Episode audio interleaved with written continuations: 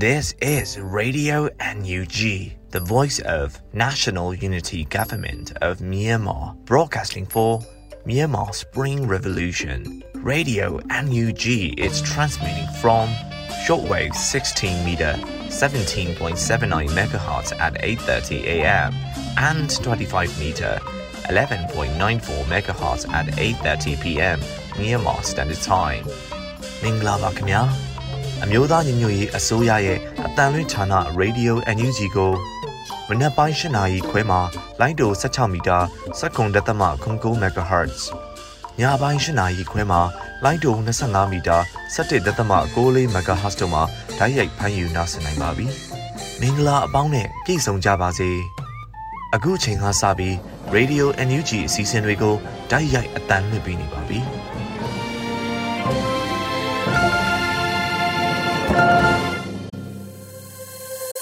မြန်မာနိုင်ငံသူနိုင်ငံသားအပေါင်းတဘာဝပြီးစစ်အာဏာရှင်ဘေးတို့ကနေကင်းဝေးပြီးကိုစိတ်နှဖျားကြမ်းမှလုံခြုံကြပါစေလို့ Radio NUG ဖွဲ့သားများကဆုတောင်းမေတ္တာပို့သလာရပါတယ်ရှင်။အခုချိန်ကစပြီးကာကွယ်ဝိညာဉ်ဌာနရဲ့စီရေးတည်အချင်းချုပ်ကိုຫນွေဦးမှုမှတင်ဆက်ပေးမှာဖြစ်ပါတယ်ရှင်။မင်္ဂလာပါခင်ဗျာ။ အမျိုးသားညီညွတ်ရေးအစိုးရကာကွယ်ရေးဝန်ကြီးဌာနမှထုတ်ဝေသောနိုင်စဉ်စည်ရေးတဲ့အကျဉ်းချုပ်များကိုတင်ပြသွားပါမယ်ခင်ဗျာပထမဆုံးအနေနဲ့စစ်ကောင်စီနဲ့တိုက်ပွဲဖြစ်ပွားမှုများကို တင်ပြသွားပါမယ်ကချင်ပြည်နယ်တွင်2022ခုနှစ်ဧပြီလ22ရက်နေ့ကချင်ပြည်နယ်မြစ်ကြီးနားမြို့ပလနကျေးရွာရှိစစ်ကောင်စီလက်အောက်ခံရဲစခန်းကို KIA နှင့် PDF တို့မှတွားရောက်တိုက်ခိုက်ခဲ့ရာစစ်ကောင်စီတပ်သားများထိခိုက်ဒေဆုံးမှုများနိုင်ပြီးထိခိုက်ဒေဆုံးသောစစ်ကောင်စီတပ်သားများကိုမြောက်ပိုင်းတိုင်းစစ်ဌာနချုပ်စစ်ဆေးရုံသို့လူနာတင်ကား၃စီးဖြင့်တင်ဆောင်သွားကြောင်းသိရသည်2022ခုနှစ်ဧပြီလ22ရက်နေ့ကချင်ပြည်နယ်စော့လော်မြို့နယ်အနီး၌စစ်ကောင်စီလက်အောက်ခံပြည်သူစစ်များနှင့် KIA PDF တို့တိုက်ပွဲဖြစ်ပွားခဲ့ပြီးစစ်ကောင်စီလက်အောက်ခံပြည်သူစစ်ဘက်မှ အများအပြားထိခိုက်ဒဏ်ရာရရှိခဲ့ကြောင်းသိရသည်ကရင်ပြည်နယ်တွင်2022ခုနှစ်ဧပြီလ22ရက်နေ့ကရင်ပြည်နယ်မြဝတီမြို့နယ်လေးကေကော်၌တမခလေးလေးလက်အောက်ခံခမရတဲ့စစ်ကြောင်းတကြောင်းသည် KNLA နှင့် PDF စုပေါင်းတပ်များကိုထိုးစစ်ဆင်ခဲ့ရာထိတွေ့တိုက်ပွဲဖြစ်ပွားခဲ့ပြီးစွဲတော်ကုန်းအမြောက်ကုန်းမှလက်နက်ကြီးများရန်တမ်းပစ်ခတ်လျက်ရှိကာ တိုက်ပွဲတွင်စစ်ကောင်စီဘက်မှတပ်သားတအုပ်သေဆုံး၍မဟာမိတ်တပ်ပေါင်းစုဘက်မှရဲဘော်နှအုပ်လက်နက်ကြီးစာထိမှန်ပြီးဒဏ်ရာရရှိမစိုးရိမ်ရကြောင်းသိရသည်ချင်းပြည်နယ်တွင်2022ခုနှစ်ဧပြီလ22ရက်နေ့ချင်းပြည်နယ်မတူပီမြို့နယ်မတူပီပလဝလမ်းမပေါ်ရှိထဲပွေးစခန်းသို့အင်အားဖြည့်ပြီးပြန်လာသောစစ်ကောင်စီတပ်ဖွဲ့နှင့် CDF မတူပီတို့မိုင်းတိုင်16တွင်တိုက်ပွဲဖြစ်ပွားခဲ့ရာ စစ်ကောင်စီတပ်သား6ဦးသေဆုံး၍9ဦးထပ်မံဒဏ်ရာရသွားကြောင်းသိရသည်2022ခုနှစ်ဧပြီလ22ရက်နေ့ချင်းပြည်နယ်ကံပတ်လက်မြို့နယ်ကံပတ်လက်မြို့ကို မကွေးတိုင်းစောမြို့မှစစ်ကောင်စီအင်အား62ဦးဖြင့်စစ်ကြောင်းတစ်ကြောင်းကံပတ်လက်မြို့ပေါ်တွင်တပ်ဆွဲထားသောစစ်ကောင်စီအင်အား80ဖြင့် စစ်ကြောင်းတစ်ကြောင်းထိုး၍စောမြို့နှင့်ကံပတ်လက်ကြား၌ CDF ကံပတ်လက်တို့နှင့်တိုက်ပွဲပြင်းထန်နေပြီး CDF ကံပတ်လက်မှရဲဘော်တအူကြဆုံးခဲ့ကာ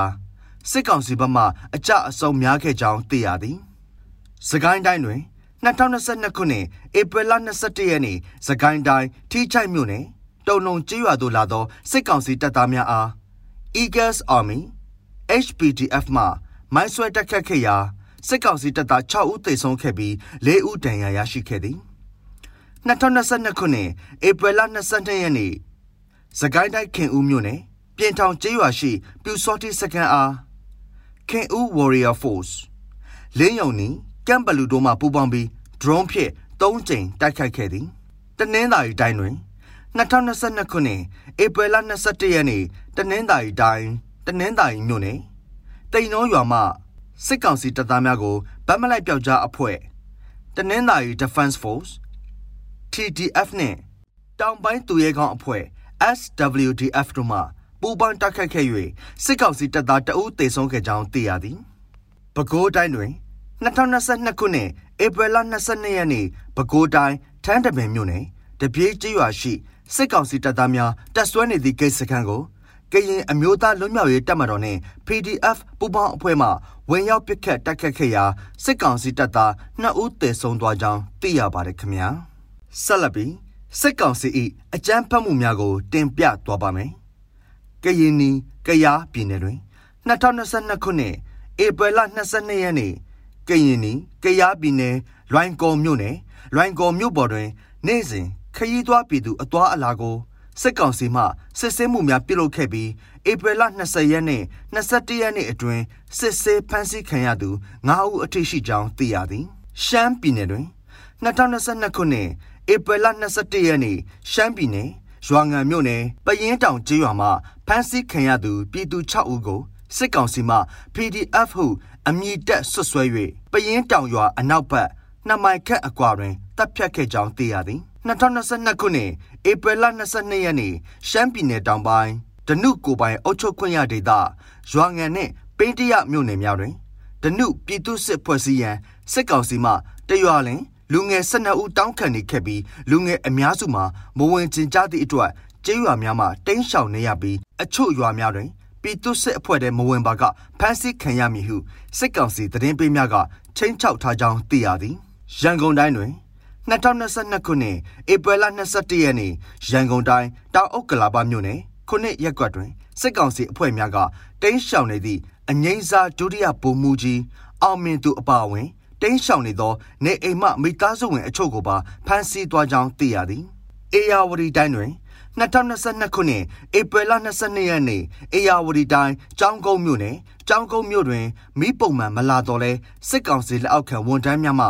ဧပြီလ22ရက်နေ့မှစတင်၍မီတာခပေးဆောင်ခြင်းမရှိသည့်မြို့ခံပြည်သူများ၏နေအိမ်ရှိမီတာပေါက်များနှင့်မိကြိုးများကိုလိုက်လံဖြုတ်ချနေကြောင်းသိရသည်2022ခုနှစ်ဧပြီလ22ရက်နေ့အေယာဝတီတိုင်းပသိမ်မြို့နယ်ပသိမ်မြို့အကျဉ်းထောင်အတွင်းဖမ်းဆီးထိန်းသိမ်းခံထားရသူနိုင်ငံရေးတက်ကြွလှုပ်ရှားသူကိုရဲထုတ်ဝင်းအားထောင်တွင်းတရားရုံးမှဧပြီလ22ရက်နေ့တွင်ထောင်ဒဏ်2နှစ်ချမှတ်ခဲ့ပြီးအကြမ်းဖက်မှု တိုက်ဖြတ်ရေးဥပဒေပုံမှန်90 51 52တို့ဖြင့်ထပ်တိုးတရားစွဲဆိုထားကြောင်းသိရပါတယ်ခင်ဗျာကျွန်တော်ຫນွေဦးမိုးပါ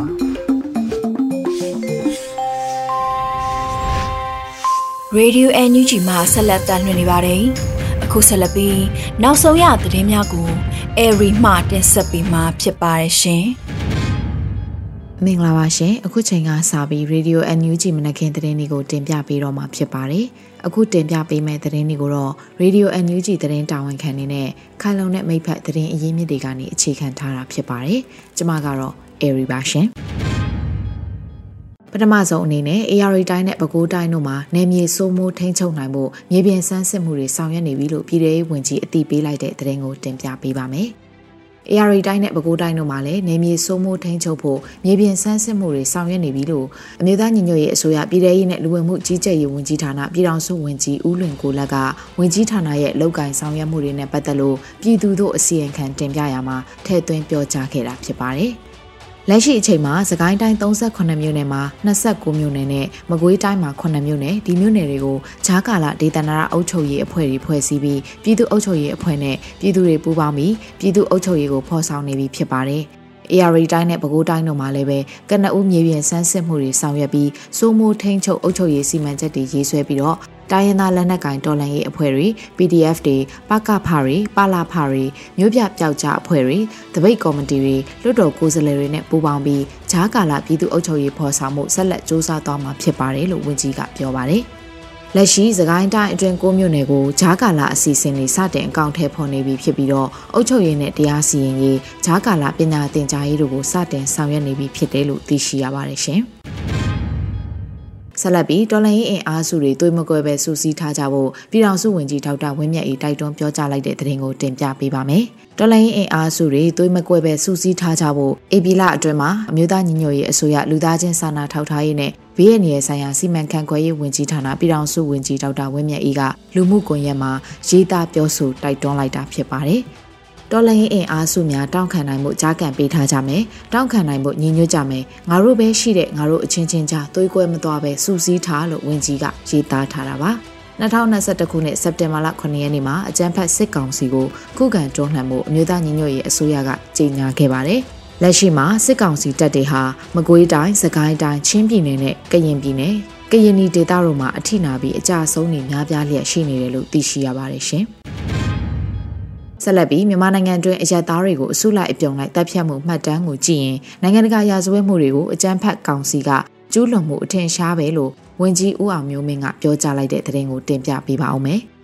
မြန်မာနိုင်ငံအတွင်းအရက်သားတွေကိုအစုလိုက်အပြုံလိုက်တပ်ဖြတ်မှုမှတ်တမ်းကိုကြည့်ရင်နိုင်ငံတကာရာဇဝတ်မှုတွေကိုအကြမ်းဖက်စစ်ကောင်စီရဲ့ကျူးလွန်မှုကအထင်ရှားပဲလို့အမျိုးသားညီညွတ်ရေးအစိုးရလူခွင့်ရေးဝန်ကြီးဦးအောင်မျိုးမင်းက၎င်းရဲ့လူမှုကွန်ရက်စာမျက်နှာမှာရေးသားပြောကြားခဲ့တာဖြစ်ပါတယ်။ Christmas အကြိုညဖရူဆိုလူသက်ပွဲအကြောင်းကို Britain အခြေစိုက် Sky News ကစုံစမ်းပြီးရိုက်ကူးထားတဲ့အစီအစဉ်ပါအမျိုးသမီးတွေတက်ကြီးရွယ်အိုတွေကလေးတငယ်တွေစုစုပေါင်းအနည်းဆုံး38ဦးကိုရရက်ဆက်ဆက်တပ်ဖြတ်မီးရှို့တဲ့အဖြစ်အပျက်ကိုကြည့်ရင်နိုင်ငံတကာရာဇဝတ်မှုတွေကိုကျူးလွန်နေတဲ့အကြမ်းဖက်စစ်ကောင်စီရဲ့လုပ်ရက်ကိုအထင်အရှားပါပဲလို့ဝန်ကြီးကဆိုပါတယ်။ဆရာနာရှင်တော်လှန်ရေးနှွေဦးတော်လှန်ရေးကာလအတွင်းမှာကြာဆုံးခဲ့ရသူစုစုပေါင်းကတော့ယမန်နေ့ကအထိဆိုရင်1982ဦးအထိရှိခဲ့ပြီဖြစ်ပါတယ်။ အကြမ်းဖက်စစ်တပ်ဟာနယ်မျိုးတွေမှာအရက်သားနေအိမ်တွေကိုမီးရှို့ဖျက်ဆီးုံတာမကပဲတွေ့ရှိရသမျှအရက်သားတွေကိုလည်းပြစ်ခတ်တပ်ဖြတ်လျက်ရှိနေတယ်လို့သိရှိရပါတယ်ရှင်။ဆက်လက်ပြီးရဲတပ်ဖွဲ့ဥပဒေအတည်ပြုပြီးပြီဆိုရင်စီဒီအန်ရဲဝန်ထမ်းတွေနဲ့ရဲတပ်ဖွဲ့ကိုအမြန်ဆုံးဖွဲ့စည်းမယ်ဆိုတဲ့သတင်းကိုတင်ပြပေးပါမယ်။ရဲတပ်ဖွဲ့ဥပဒေကိုအတည်ပြုပြီးပါက စီဒီအန်ရဲဝန်ထမ်းတွေနဲ့ရဲတပ်ဖွဲ့ကိုအမြန်ဆုံးဖွဲ့စည်းမယ်လို့အမျိုးသားညီညွတ်ရေးအစိုးရပြည်ထရေးနဲ့လူဝင်မှုကြီးကြပ်ရေးဝန်ကြီးဌာနပြည်ထောင်စုဝန်ကြီးဦးလွင်ကိုလက်ကဝန်ကြီးဌာနရဲ့လုပ်ကိုင်ဆောင်ရွက်မှုတွေနဲ့ပတ်သက်လို့ပြည်သူကိုအစီရင်ခံတင်ပြရမှာထည့်သွင်းပြောကြားခဲ့တာပါ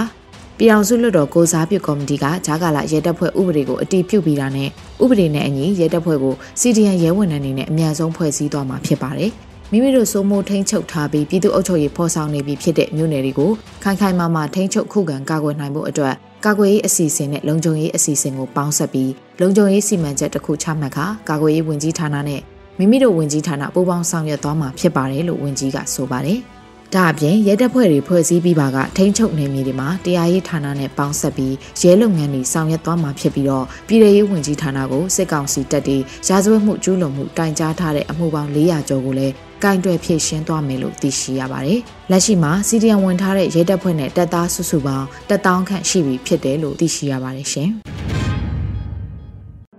ဧပြီလ24ရက်နေ့ဂျပန်နိုင်ငံရှီဇူအိုခါမြို့မှာအထူးငွေတိုက်စာချုပ်တွေရောင်းချသွားမယ်ဆိုတဲ့သတင်းကိုဆက်လက်တင်ပြပေးပါမယ်။ ဂျပန်နိုင်ငံမှာရှိတဲ့ရှီဇူအိုခါမြို့မှာအထူးငွေတိုက်စာချုပ်တွေကိုဧပြီလ24ရက်နေ့မှာရောင်းချသွားမယ်လို့သိရှိရပါတယ်။အောင်ပွဲမြန်ဖို့ဘုံဝယ်ဆိုရှီဇူအိုကာမြို့မှာတော်လရင်ညီကိုမောင်နှမများကိုလေးလပိုင်း24ရက်နေ့စန်းတီအာတင်ထားပါပြည်မြန်မာပွဲမှာငွေတိုက်စာချုပ်ဝယ်ယူသူတွေအတွက်လည်းငွေတိုက်စာချုပ်ရောင်းချပေးသွားမယ့်အထူးအစီအစဉ်ရှိပါတယ်လို့ငွေတိုက်စာချုပ်ရောင်းချမဲ့ဂျပန်ကိုယ်စားလှယ်အဖွဲ့ကဆိုပါတယ်။ငွေသားနဲ့ရောင်းချပေးမှာဖြစ်ပြီးတော့မြန်ရင်3ရက်ကြာရင်တစ်ပတ်အတွင်းမှာစာချုပ်ရရှိမှာဖြစ်တယ်လို့သတင်းရရှိပါတယ်။ လက်ရှိမှာငွေတိုက်စာချုပ်စုစုပေါင်း9000ကျော်ရောင်းချထားပြီးဖြစ်ပြီး American Dollar 33မီလီယံရရှိထားပြီးဖြစ်တယ်လို့သိရှိရပါတယ်ရှင်။အခုတခါစစ်ကောင်စီနဲ့အဓိကနေဆက်ကုံသွဲရေးထိုင်းနဲ့အလုပ်ဖြစ်နေပြီး85ရာခိုင်နှုန်းကုံသွဲနေတယ်ဆိုတဲ့သတင်းကိုတင်ပြပေးပါမယ်။စစ်ကောင်စီနဲ့အဓိကနေဆက်ကုံသွဲရေးမှာထိုင်းနဲ့အလုပ်ဖြစ်နေပြီး85ရာခိုင်နှုန်းကုံသွဲနေတယ်လို့သတင်းရရှိပါတယ်။ မြန်မာနယ်စပ်ကုန်သွယ်ရေးမှာတရုတ်နဲ့နယ်စပ်ကုန်သွယ်ရေးကပမာဏအများဆုံးအနေနဲ့ရပ်တည်ခဲ့ရကနေ2021-2022မီနီဘတ်ဂျက်ကာလမှာတော့မြန်မာထိုင်းနယ်စပ်ကုန်သွယ်ရေးကတဟုန်တိုးမြင့်တက်ခဲ့တယ်လို့ ISP မြန်မာကထုတ်ဖော်ပြသပါတယ်။မီနီဘတ်ဂျက်ကာလအကုန်မှာထိုင်းနဲ့နယ်စပ်ကုန်သွယ်ရေးကိုကာလတူနှိုင်းရှင်ရင်အရင်ဘဏ္ဍာနှစ်ကထက် American Dollar တန်640ကျော်တက်လာခဲ့တာဖြစ်ပါတယ်။မြန်မာထိုင်းနယ်စပ်ကုန်သွယ်မှုဟာ အရင်ဘဏ္ဍာနှစ်မှာစုစုပေါင်းနေဆက်ကုန်သွယ်မှုရဲ့34ရာခိုင်နှုန်းကနေ85ရာခိုင်နှုန်းကျော်အထိဖြစ်လာခဲ့တာပါမြန်မာထိုင်းကုန်သွယ်မှုမှာအဓိကကုန်သွယ်ဂိတ်ဖြစ်တဲ့မြဝတီမှာ American Dollar တန်600နီးပါးနဘူးလေထီခီမှာ American Dollar တန်180ကျော်မောတောင်မှာ American Dollar 3သိန်းနီးပါးမြင့်တက်ခဲ့တာဖြစ်ပါတယ်မီနီဘတ်ဂျက်ကာလအတွင်းမြန်မာနယ်စပ်ကုန်သွယ်ရေးမှာပို့ကုန်ရောသွင်းကုန်မှာကျဆင်းခဲ့တာပါ။ မြန်မာနယ်စပ်ကုန်သွယ်မှုစုစုပေါင်းတန်ဖိုးကိုအရင်ဘဏ္ဍာနှစ်နဲ့ကာလတူနှိုင်းယှဉ်ရင် American Dollar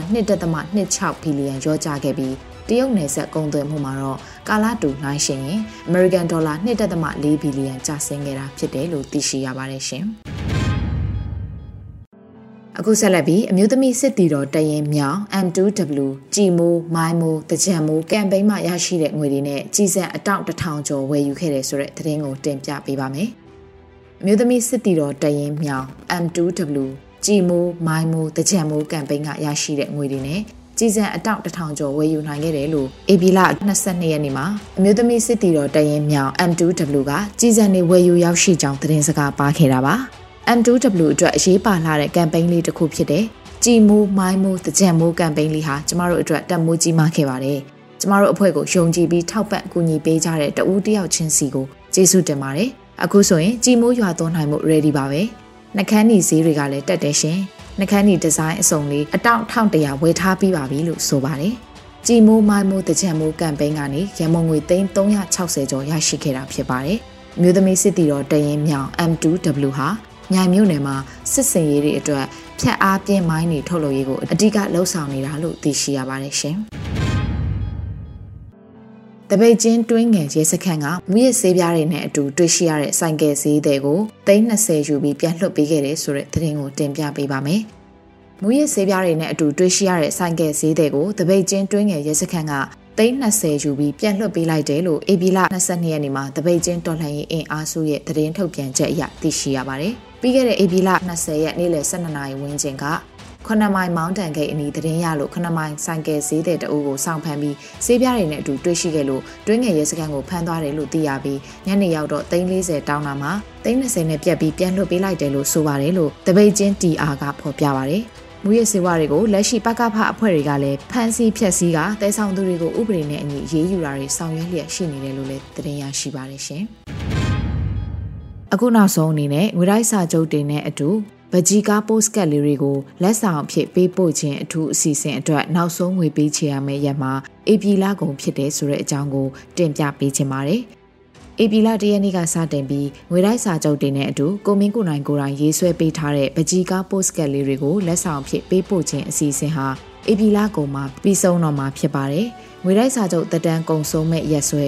2024ခုနှစ် AP 30နဲ့ထွက်ရှိလာမဲ့ငွေတိုက်စာချုပ်တွေအတွက်သာ ဗဂျီကာပို့စကတ်ပါဝင်မှာဖြစ်ပြီး AP 28ရက်နောက်ဆုံးထားပြီး one order list ပေးပို့၍ငွေပေးချေကြဖို့နဲ့ပုံစံခတွေကိုအချိန်မီတင်ကြရမယ်လို့သတင်းရရှိပါတယ်ရှင်။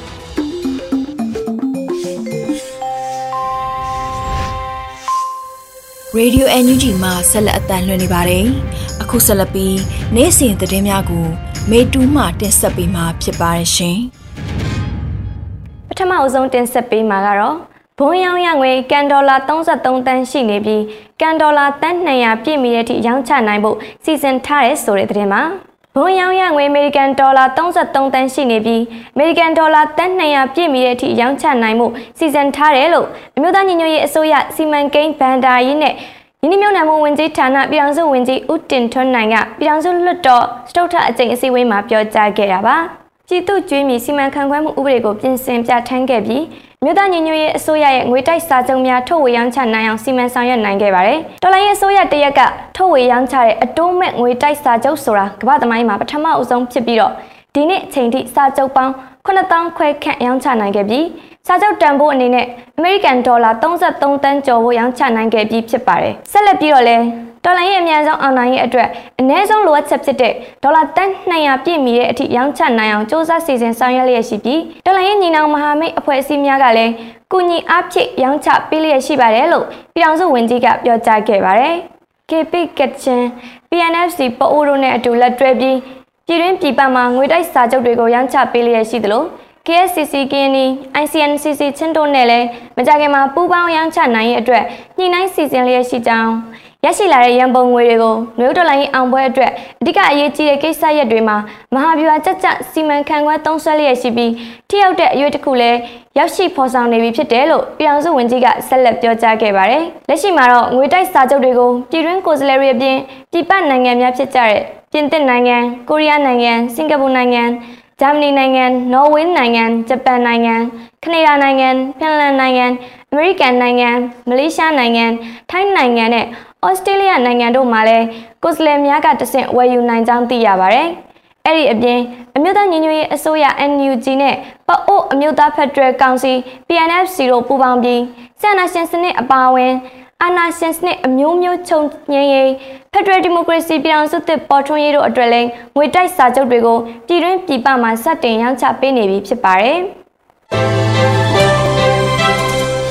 ဆက်လက်တင်ဆက်ပေးမှာကတော့မျိုးတော်လိုင်းကာလအတွင်းကြာဆုံးခဲ့ရသူအလုံးရဲ့9.3ရာခိုင်နှုန်းကအမျိုးသမီးကြာဆုံးမှုဖြစ်နေတယ်လို့မြို့သားညီညွတ်ရေးအစိုးရကထုတ်ပြန်လိုက်တဲ့သတင်းမှာ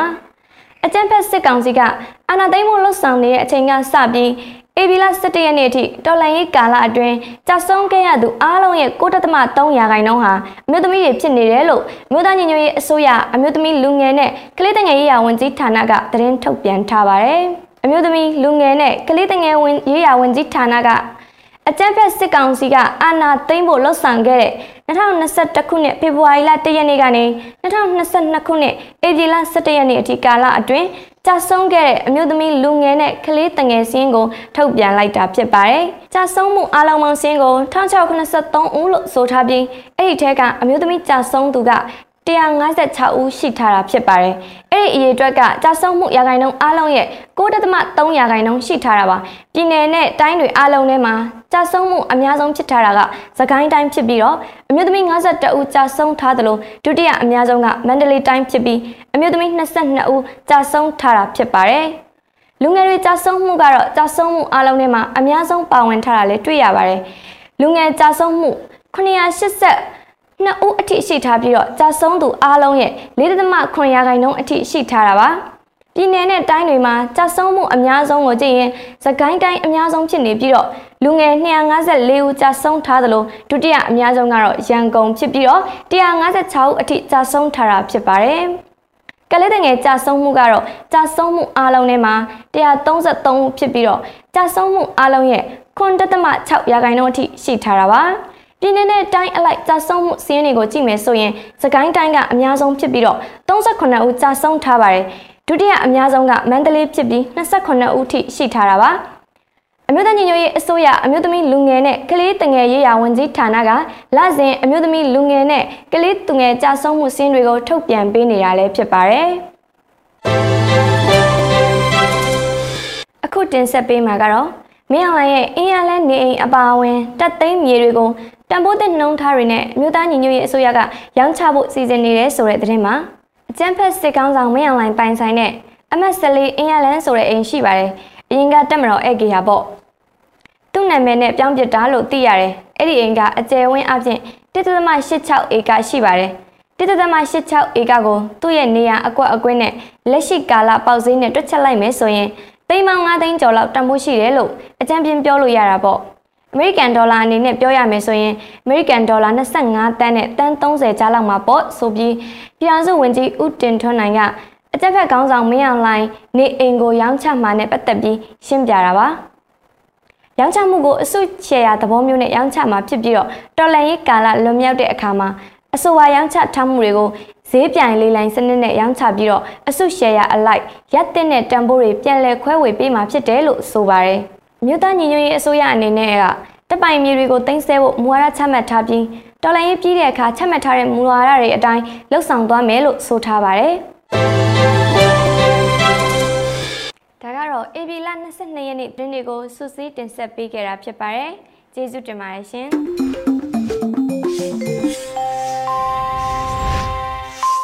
Radio NUG မှာဆက်လက်အသံလွှင့်နေပါတယ်။အခုဆက်လက်ပြီးတိုင်းရင်းသားဘာသာစကားအစီအစဉ်အနေနဲ့ဂျိုးချင်းဘာသာစကားခွဲတစ်ခုဖြစ်တဲ့တိုင်းဘာသာစကားဖြင့်သတင်းထုတ်လွှင့်မှုကိုတင်ဆက်ပေးမှာဖြစ်ပါတယ်ရှင်။ဒီအစီအစဉ်ကို Radio NUG နဲ့ဂျိုးချင်းဘာသာစကားထုတ်လွှင့်မှုအစီအစဉ်အဖွဲ့တို့မှပူးပေါင်းထုတ်လွှင့်တာဖြစ်ပါတယ်ရှင်။ Radio NUG ချို program တိုင်ပဲထိုင်လွန်နာစုငိုင်းတီနုပဘေနာနိယယေနာနီတုငွိုင်းခကုမ်ထောင်းဟိကနမ်ကူယန်ဟိဖေခရမ်ကူယက်ထုမ်လ ோம் နှုခုမ်စုံမတုံဟုယာကာသငေဆွန်းကေဒန်ပူပိုင်နောကနိယမ်ထေခယာကက်တီအခစစကာသငါလူယွေနိယငိုင်မာကွမ်အိုအခစကာ CTF ဒိုင်ဒါဆက်စတာမတ်ဝမ်ဝိုင်တီတီယာသန်းအန်ဟိနာကာမင်တန်ဘတူလမ်ဖု န်လောင်ကိုမာတုနာဝဲလူဆက်စတာခက်တိကတီတီယာသန်း akthumna ka kampalet ya swang la ka sestapo ya CTF kampalet tukna vetu tia thon lu upi ko se son huwai tia thang akphuna ka tu um hin ang sung seng kha aye bo kala ni tilu se sang wai pu no se sa yang yam thelu yam thak ti tia thang am hana ka ukraine ku ena wai american no dollar tan phram ha bet wai tilu apena thang nia sungai khaya kak tini aksu suka thang ni ngai be kom u le khung he se